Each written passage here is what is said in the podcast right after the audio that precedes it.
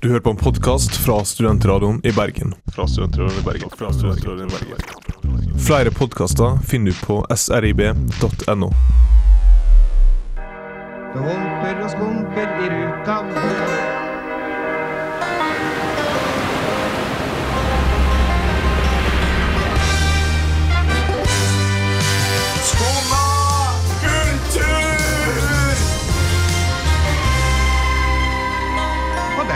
så humper vi opp og ned. Det er mandag, klokken er 11, og du hører på Skumma kultur på Studentradioen i Bergen. Jeg heter Pia Hågensti, og hvem har jeg med meg i dag? Du har med deg Emil Perron og Karoline Vassanden. Tjoho!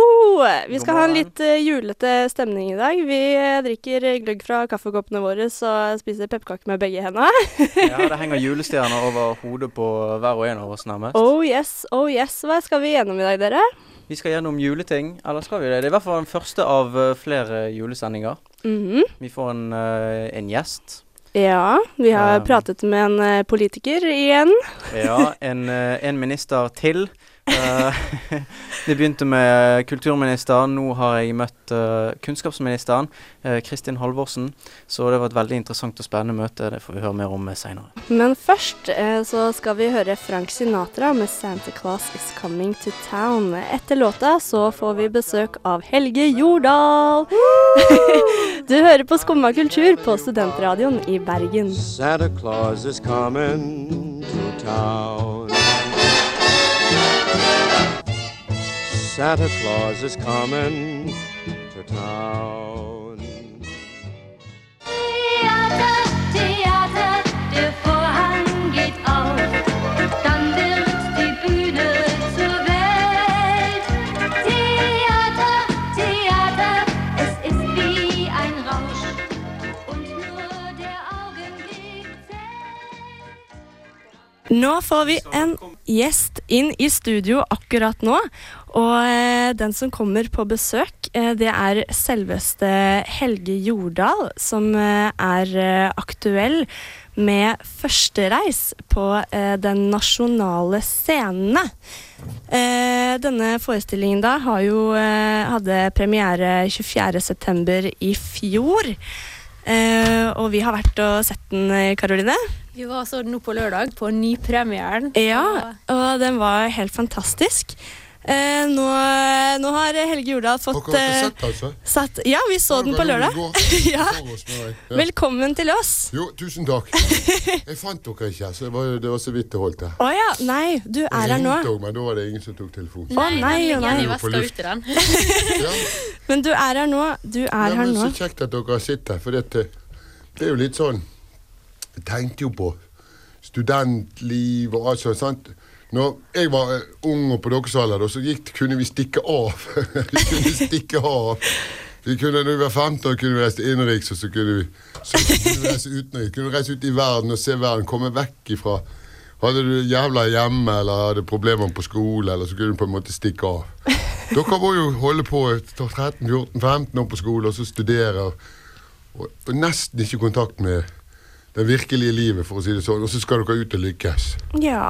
Så det, ja, det er litt sånn Det, det var litt av eh, klangbunnen for hvorfor vi ville gjøre den, fortelle den historien også, da. ja, det var det jeg skulle til å spørre. Ja. Hva, hva handler, eh, handler den om, Ja, for de som ikke har sett den? Ja, Hovedhistorien altså, er jo Det er jo eh, Altså, det er litt sånn norgeshistorie òg, på en måte. Sånn som det var Altså, vi har jo levd av å være sjøfartsnasjon fra tidenes morgen og til vi fant oljen. Sant? Og da gikk resten av sjøfolkene i olje. Så nå er det Pluss at samtidig så skjedde jo datarevolusjonen, for å si det sånn. Så nå er det omtrent ikke norske sjøfolk igjen. Nå er det filippinere og folk fra Østen som er sjøfolkene om bord, og så er det offiserer og kapteiner som er norske, og fra norske reder osv. Men den tiden så var det i alle gater her så kom folk fra utenfra verden, og så skulle de ut igjen med silkejakker fra Østen og tyggegummi og grammofonplater og spisse sko og flies og, og med penger i baklommen og var konger i gaten. Og mange av de som kan, de som var konger i gaten den gang, de hadde kanskje Jeg sier kanskje vært tapere i dag, da. For dette var gjerne folk som var litt sånn øyeblikkets folk, da. Kanskje hadde de ADHD, det var ikke oppfunnet den gang. Og, eller dysleksi. Altså, hadde, hadde problemer med boklig lærdom, eller hva vi skal si, og, og sitte i ro. Sant? Og de gjorde det gjerne bra på sjøen. Det var tøft òg. Og det var jo den andre siden, på godt og ondt. For det ble stilt krav til deg. Dere får jo ingen krav, dere skal bare klare det. sant? Så den gang, ok, skal du være med, er du med på et skip, så skal du på denne jobben er du nødt til å gjøre, det må du gjøre sånn. sant? Og så, De var jo ute og reiste. sant? Og eh, ja, og så og så ser, oppleve verden på den måten. da, sant? Det var jo fantastisk. Ja, for du står jo Men det, det var jo tøft, som sagt. Det var det han skulle si. Det var jo ikke alle som fikset det. Nei. Så alt har to sider. Ok, det var, jeg var litt andpusten når jeg kom, så det ble litt eh, skravlete. dette. Nei, okay. det er bare Skravl er bra. Vi liker skravl er her i Skumma kultur. Eh, men du, det er, forestillingen varer jo i rundt eh, to timer med pause. Det, du står alene på scenen. Ja. En, eh, en eh, stor monolog, kan man kalle det. Ja, det er sånn for oss som har holdt på en stund, og skuespiller, altså jeg er jo skuespiller, sant? så er dette her sånn urteater. Skuespilleren som forteller en historie. Så det er ikke sånn, altså vi definerer det ikke som stand-up eller som monolog. Det er, en, det er sånn gammeldags fortellerteater. Sant? Så jeg sier jo på en måte, sant?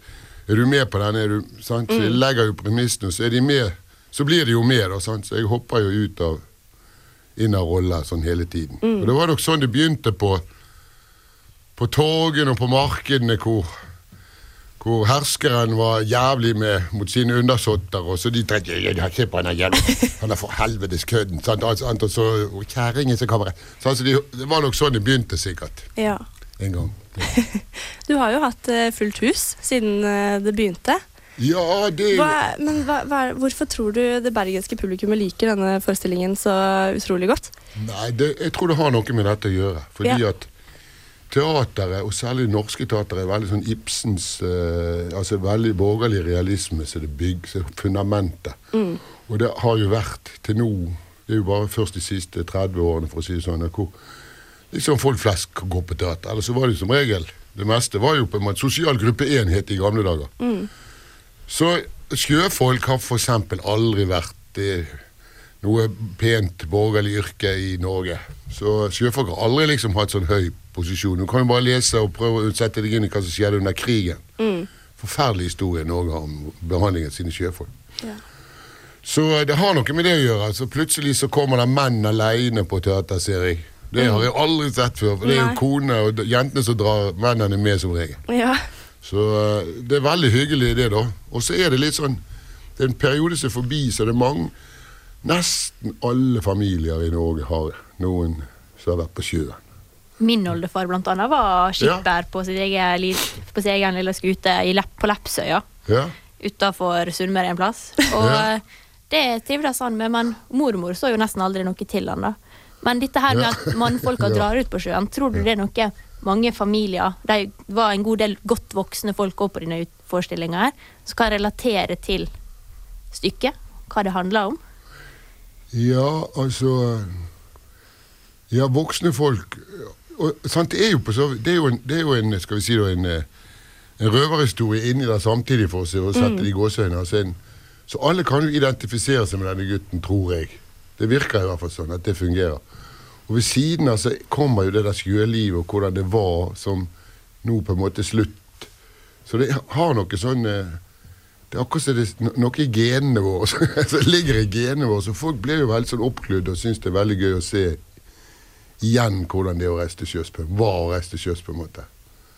Ja, jeg spiller jo ikke eh, Jeg leker jo bare med, med si, situasjoner og sånne fra det. Men eh, det er noe i genene våre òg der, for å si det sånn, da. Kan eh, du sjøl relatere til han Martin, som er hovedrollefyren i stykket? Ja, nå er jeg, jeg er jo lite grann yngre da, i den sånn at jeg er ikke tyskerunge. Han har vi, begynt, vi ville jo gjerne ta med det aspektet også, da. Også den behandlingen av, av barn og disse, en del ungdommer som falt utenfor før. Sant? Så, det har, så han e- ender på Garnes gutteskole, da, eller Ga, Garnes guttehjem var det jo et sted som het, som var helt forferdelig.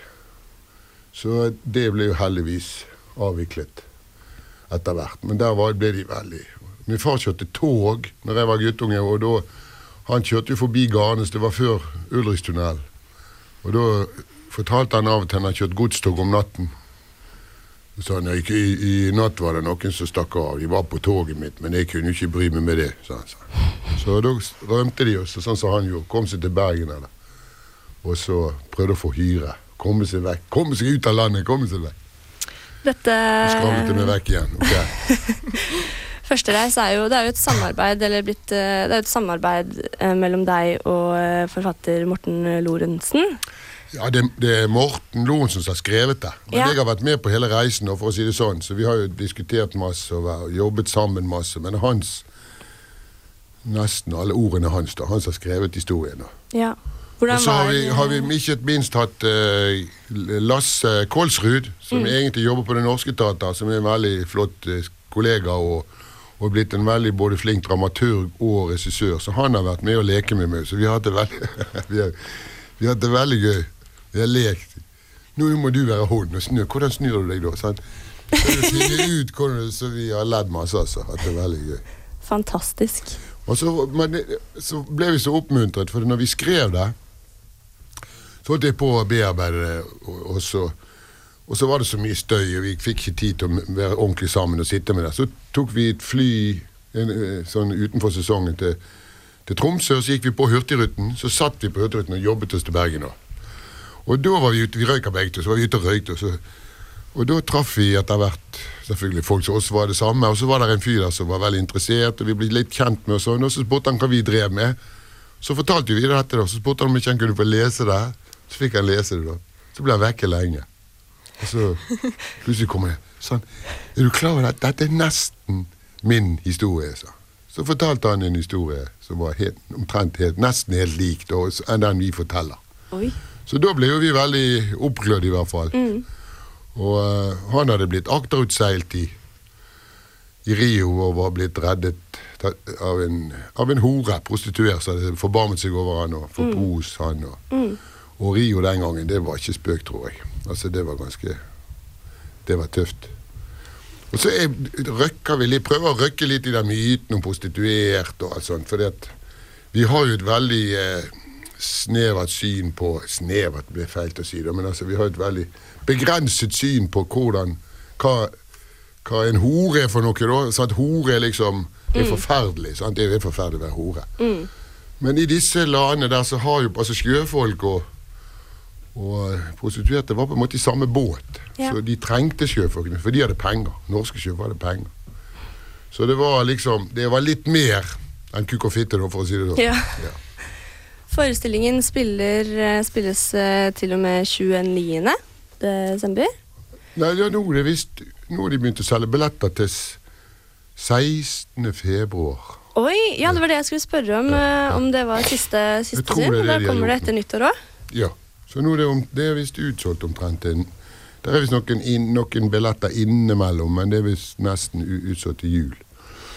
Fantastisk. Så ja, det er fantastisk. Bare helsen holder, så. Den holder nok. Det er bare å ha på seg godt multøy og drikke masse juice og melk. ja, så kjekt, må Ja, men det jeg synes det var veldig kjekt at dere var så det, altså. For det, det har litt sånn eh, har liksom de, de unge i dag i bakho bakhodet, da, på en måte. For har veldig lyst til at de skal se det. For dette, både fordi at historien er litt sånn eh, en sterk historie, og som har liksom den klangbunnen som den tiden var, i forhold til hvordan det er nå. Da. Ja. Vi må takke Helge Jordal for Ja. at du kom på besøk. ja. God, god jul. Og er det sånn her nå, altså? Ok, Jeg ser du har julestjerne over hodet på deg. Det er jul i studio nå, vet du. Ja, ok. Tusen takk, og ha god jul dere òg, da. Ja, god jul. Takk. Ja. Du hører på Skumma kultur. Nå skal vi få høre Mariah Carey med All I Want for Christmas.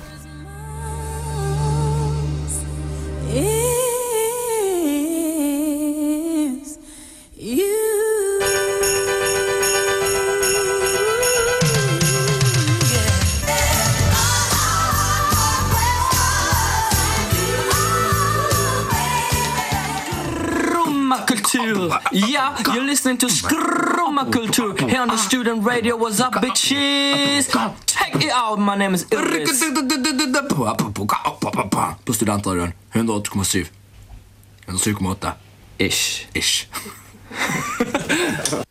Den verdenskjente romanen De elendige, eller Les Miserables, som den heter på fransk, av Victor Hugo, fyller 150 år i år. Med tematikk som sosial urettferdighet, revolusjon og menneskeverd er romanen fremdeles høyt aktuell. Her er første del av tre i en serie om den populære boka.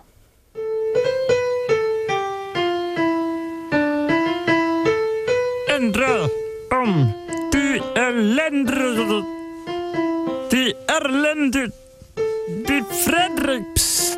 Eh? De elendige. Elendige!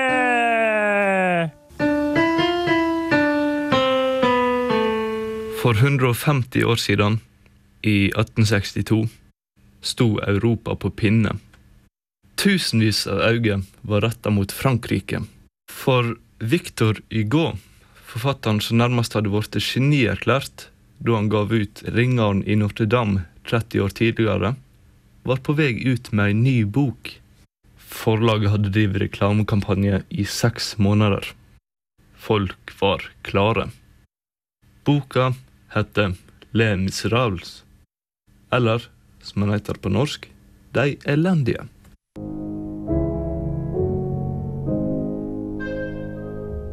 Men hva var det det folk hadde venta på? Hva var det Viktor i går hadde brukt 17 år på å skrive?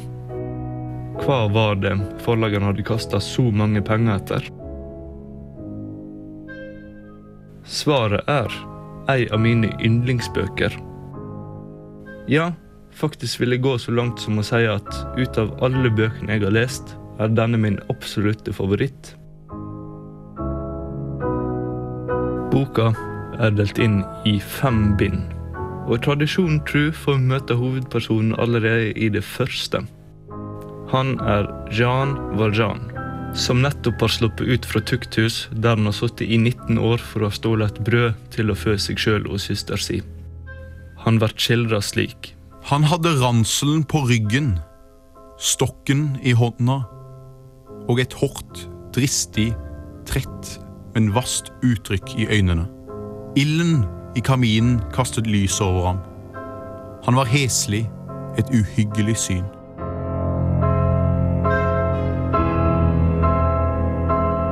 Galeislaven Jean Valjean er altså hovedpersonen. Men den første personen vi møter, er ikke Jean, men Charles Francois Bienvenu Muriel, biskop i Digden. Eller, som jeg vil kalle han, Bienvenu. Og Bienvenu er kanskje den karakteren jeg liker best. Han er gavmild, klok, from, ofrende, og han veit å forme ord. Jomfru Maglorie, sier han en gang. La meg få en stol. Min høyhet når ikke opp til denne hyllen.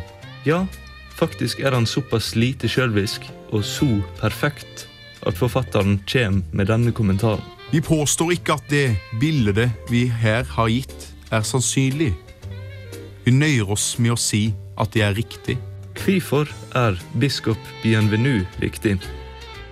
Jo, etter at han slapp fri fra galeien, fikk den nå bitre Jean Valjean huslig Johan for en natt. Og når Valjean fer sin vei om natta, stjeler han med seg alt sølvtøyet som presten eier. Politiet får tak i han, og tar han med tilbake til Bienvenu sitt hus. Men når biskopen kommer ut, påstår han at Valjean hadde fått med seg alt sammen som ei gave. Ikke nok med det, han gjev òg fra seg to store ljosestaker, de òg av sølv. Nå er de der, ropte han da han fikk se Jean Valjean.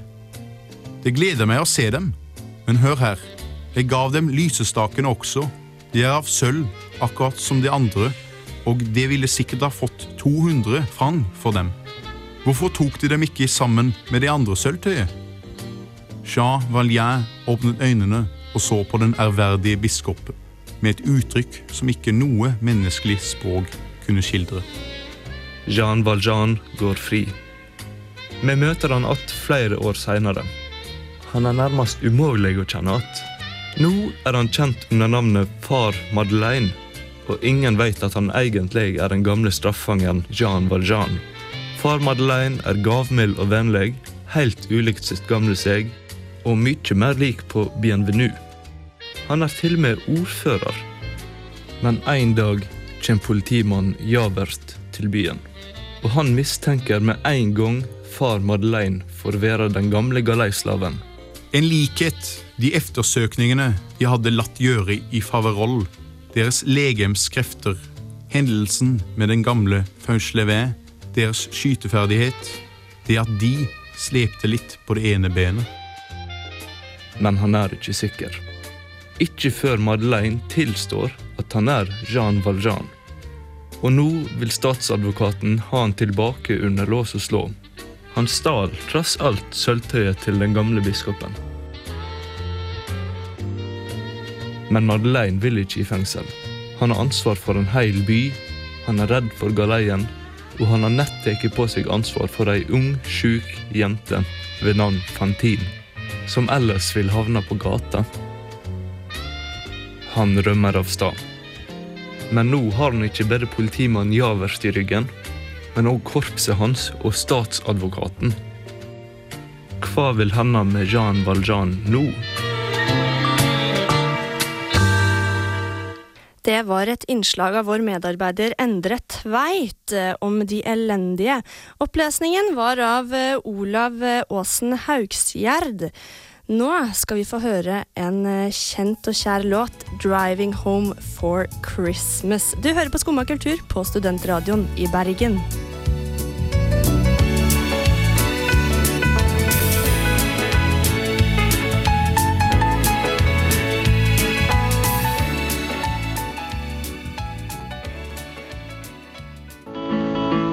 Så mye styr å komme seg ut. Ja. Er. Komme seg opp av sofaen. Det syns jeg er så vanskelig med kultur. Er du enig med Tore Sagen? Her kommer et lurt tips fra Bjarte Tjøstheim i Radioresepsjonen. Hvis du er lur, så hører du på Skumma kultur hver mandag fra 11 til 12. Et fantastisk program.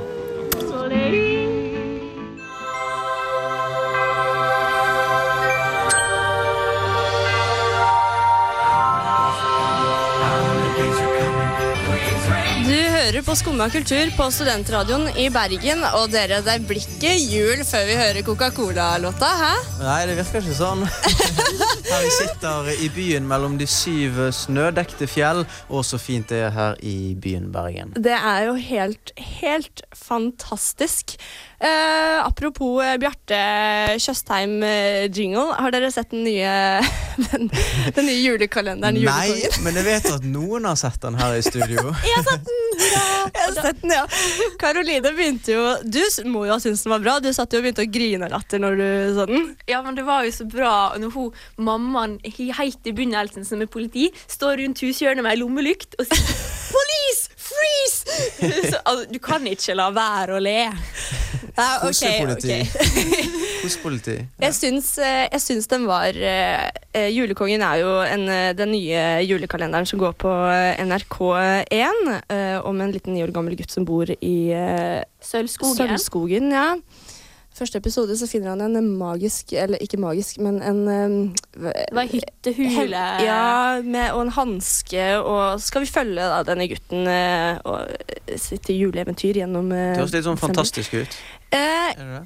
Ja, jeg likte veldig Eller musikken er veldig Veldig stemningsfull, og du blir litt sånn rørt, litt revet med. Og Ja. så er det litt sånn som du så i Jul i Svinga, så er det litt sånn humoristiske småsøsken inne i bildet, for der lo du, Pia. Der lo jeg. Det er en liten Jeg fikk nemlig litt flashback fra min egen barndom. det, det var det jeg skulle til å spørre om. Er Lillesøsteren til han Jeg tror han heter Kevin, den ni år- gamle gutten som vi følger. Hun eh, går alltid bare i prinsesseklær, og eh, så sier hun at eh, prinsesser spiser bare sjokolade og sjokoladepålegg på brødskiva hele tiden. Det er alt de skal spise. Og så er hun helt brun rundt munnen av sjokolade. Så fikk jeg litt sånn Hello, Pia!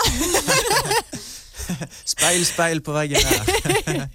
Hvem kan dette være? Ja, jeg hadde en liten periode. Ok, Nei, men uh, Julekongen er det, Jeg syns det var en fin Eller i hvert fall første, første andre, tredje, fjerde, femte, åtte. Det var- det er veldig Kan man se det på nettet, forresten? Hva sa du? Hvis man ja, inne på NRK.no. NRK. Nett-TV er det beste reklame, som reklame. fins. Mm. Men jeg vet ikke, jeg savner Jeg savner også altså, Ja, jeg er 23 år, eh, og jeg ser fortsatt på NRK på julekalender. Og jeg savner uh, jul i Skomakergata og disse Men det er jo gamle litt her. sånn her tradisjon i Norge, ikke det? Å ha denne her, en sånn julekalender som går på TV og følger med på, på julekalenderen. Jeg føler også at det er en tradisjon å på en måte diskutere inne på NRK sånn hva man vil, og liksom rakke ned på det de velger å sende for hvert år. Det har blitt sånn tradisjon at alle skal liksom inn på Facebook og engasjere seg. Og 'Hvorfor sender dere dette? Vi vil heller se ditt og datt og ditt og datt'. Ja, men det er det jeg mener, ikke sant? For at alle vokste opp med dette og har et forhold til julekalender. Da blir det sterke reaksjoner med en gang det blir et eller annet som blir sendt. Enten folk er for eller imot. Jeg er litt mer sånn jul, eh, nisser. Nisser skal være rød, ikke blå. Send Amalies jul, for faen. Oi, unnskyld. Vel, oi, jeg ble, det ble voldsomt konservativt. Nei. Nei, men det er jo, ikke sant? Det er jo uh, min eh, personlige Ja, ja, ja. juletradisjon. Barn som vokser opp i dag, vil jo ha- sikkert ha liksom, jul i svingen og alt det greiene der. Ja, ja. Smarttelefonjul og Barnas jul, for eksempel, som var den største floppen jeg har satt i julekalenderen noen gang fra Den NRK. så jeg ikke på. Men det jeg savna, er Skomaker Andersen og den appelsinkalenderen han hadde. Tøflus? Ja! Men hvorfor sender de ikke den? Men det, det er Den ble f- helt fjerna. Men Arkaisk. Arkaisk. Det Arkaisk. ingen, ingen ungdommer i dag som har et forhold til eh, appelsin og en, En skomaker. skomaker. Altså, hvor finner man skomaker i dag? I dag finner man altså, smarttelefoner, ikke sant? Ja. Så da er liksom Velkommen til uh, Skomakergaten. Altså, det blir liksom litt arkaisk, tror jeg. Alle har et sånt bilde av en appelsin, og så trykker de liksom på knappen for å ta Ja. ut disse Ja, alt blir gjøre virtuelt det- og ja. Det er ja. bare helt forferdelig. Men det er ganske forferdelig å ha en sånn appelsinkalender òg, for jeg prøvde et år, og den appelsina ble grønn. Før eh, 13. desember, så det gikk ikke så bra. Men eh, hva julekalender du har i år da, Pia? Har du noen i år? Hva mener du? Som jeg ser på, eller som Som du spiser, kanskje? Sjokolade? Eh, Jeg har aldri hatt eh, sjokoladekalender. Vi har alltid og obligatorisk. Må alltid ha Nei, nei, nei. Hos oss er det på en måte hos oss. Hjemme hos oss er det pakke, pakkekalender for hver Ja, dag. ja. Eh, men nå de siste årene så har moren min, søsteren min og jeg delt opp, så vi på en måte gir Hva blir det? Åtte, åtte, Åtte, ja. åtte ja, for åtte gaver hver på en måte på rundgang. Ja. Så bytter vi rundt. rund... Ja. Men i år eh, eh, så har vi kutta det enda mer ned, og da er det liksom hver, hver søndag i advent. Så da blir det liksom fire gaver. Ja, det holder jo det. Ja, det holder jo Det. Da, da er jo hver gave litt ekstra stor. Ja. Hva med dere? Spiser, kjøper dere sånn tikroners uh, julekalender? Det, det er ikke snakk om prisen. Det er, det er tradisjon, og da skal vi ha en julekalender. Men ikke den sant? sjokoladen smaker så ekkelt. Nei, men den smaker jo skikkelig godt. For det er liksom, Da har du den lille godbiten i hverdagen helt fram til jul. Så har du en liten sjokolade hver dag. ikke sant? Det er jo koselig. Det. Vi skal uh, videre i sendingen. Ja, jeg skulle ønske vi bare kunne snakke mer om dette. Jeg har så mye på hjertet. En videre tradisjon som eh, de fleste kanskje har, er å høre på eh, Wham med Last Christmas. Eh, Du får den selvfølgelig her på Skumma kultur på Studentradioen i Bergen.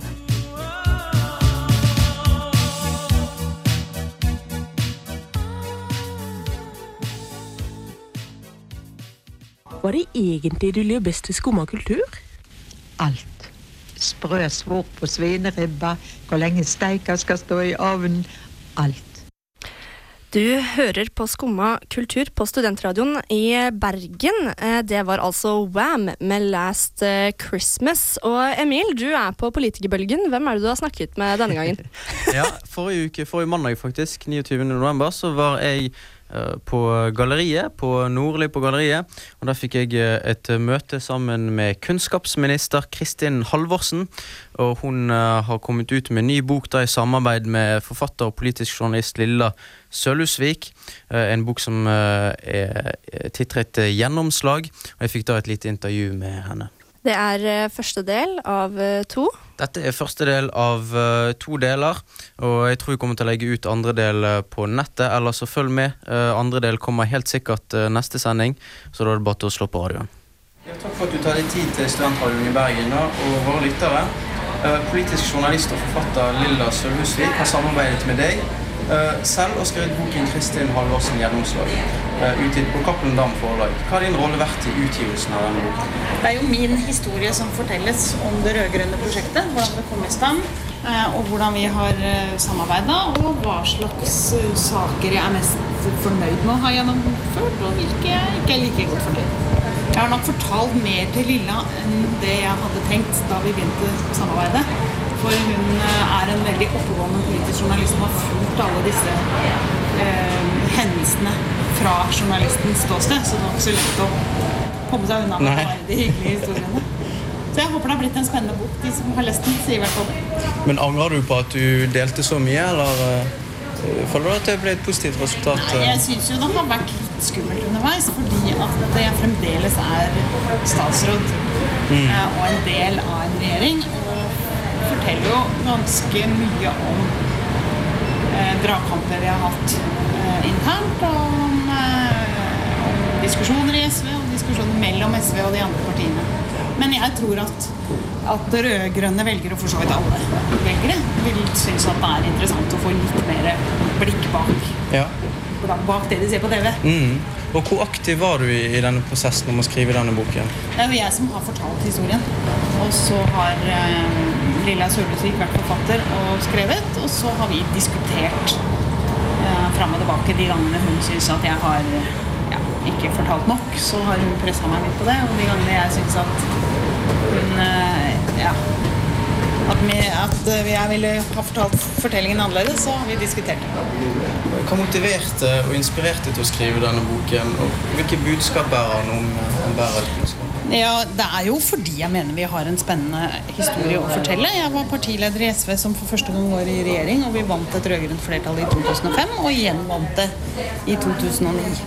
Og det var jo under veldig skal si, sterkt press, fordi det er klart høyresida ville jo helst eh, at vi absolutt ikke skulle vinne, og vi hadde nok pekt ut også SV som den store hoggestabben i det prosjektet for å hindre at det ble et rød-grønt flertall. Og så har vi hatt veldig mange spennende saker, f.eks. om miljøpolitikken, hvor det er uenighet i utgangspunktet mellom SV Arbeiderpartiet og Senterpartiet, og det er krevende saker. Jeg er veldig godt fornøyd med at vi har klart å,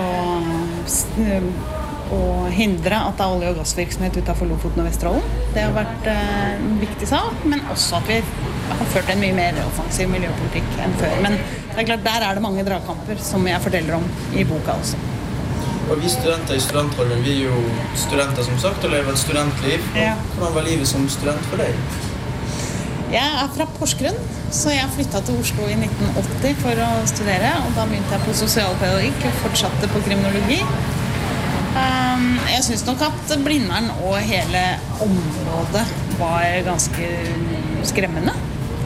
Vi flytta mange sammen fra Porsgrunn-Skiensområdet på den tida, så hadde jo venner eh, rundt meg.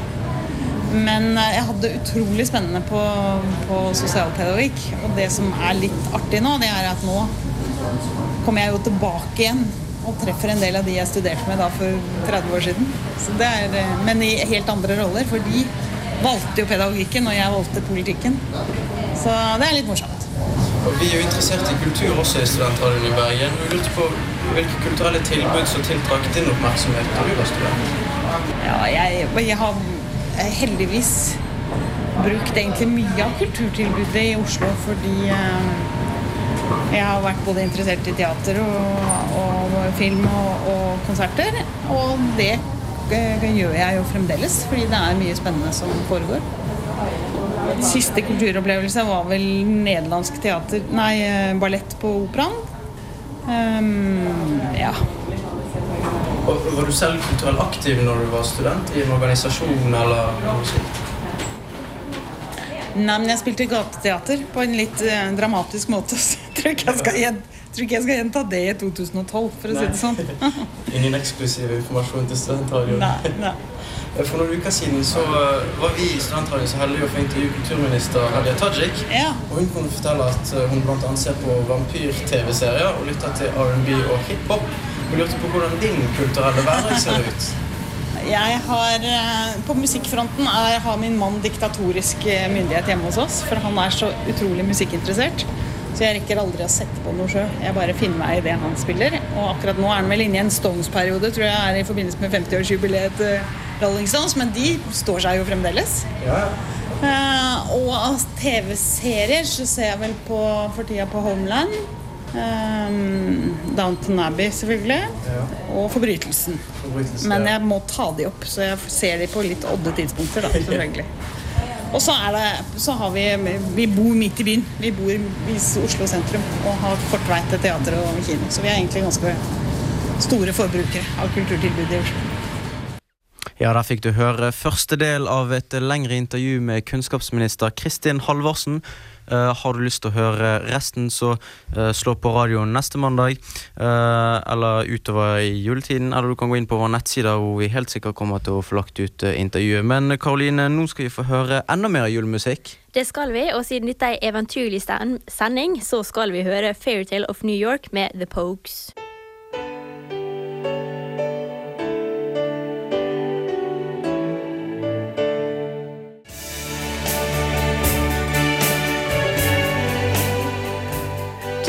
Hører på Skumma kultur på eh, Studentradioen i Bergen. Vi nærmer oss slutten, dere. Slutten for dagens sending. Men sendingen kommer til å bli sendt eh, om igjen og om igjen i julen, så frykt ikke. Frykt ikke. Eh, Vi har vært igjennom Vi har hatt innslag av de elendige. Ja. Vi har hatt Kristin Halvorsen-intervju, del én. Vi har fått et flott intervju med Helge Jordal, som er aktuell med første reis på nasjonale scene. Ja, han var gjest hos oss. Mm. Veldig hyggelig, hyggelig mann. Så mye på hjertet. Mye mye på hjertet. Mm. Vi må takke vår eh, produsent, eller produsent eh, som fikk oss på lufta, Marit. Eh, og etter oss kommer eh, Alternativ og musikk fra verden. Du kan høre podkast inne på srib.no, eller så går Skummakultur i reprise på tirsdager klokken 21.00. I studio var jeg, Pia Hågensli. Karoline Vassenden. Og Emil Perron. Og så er det jo verdt å nevne at det kommer flere julesendinger. Det kommer to julesendinger til, gjør det ikke det? Å jo da. Ja, Og for det. du som er ekstra Skumma-fan, så er det bare å spikre seg ned på sofaen og skru opp radioen hver mandag klokka Litt 11 til 12. Litt skummakultur. Det er en bra juletid. Bra juletid. Eh, vi eh, skal drikke opp eh, gløggen vår her i studio nå. Eh, vi snakkes! of a white Christmas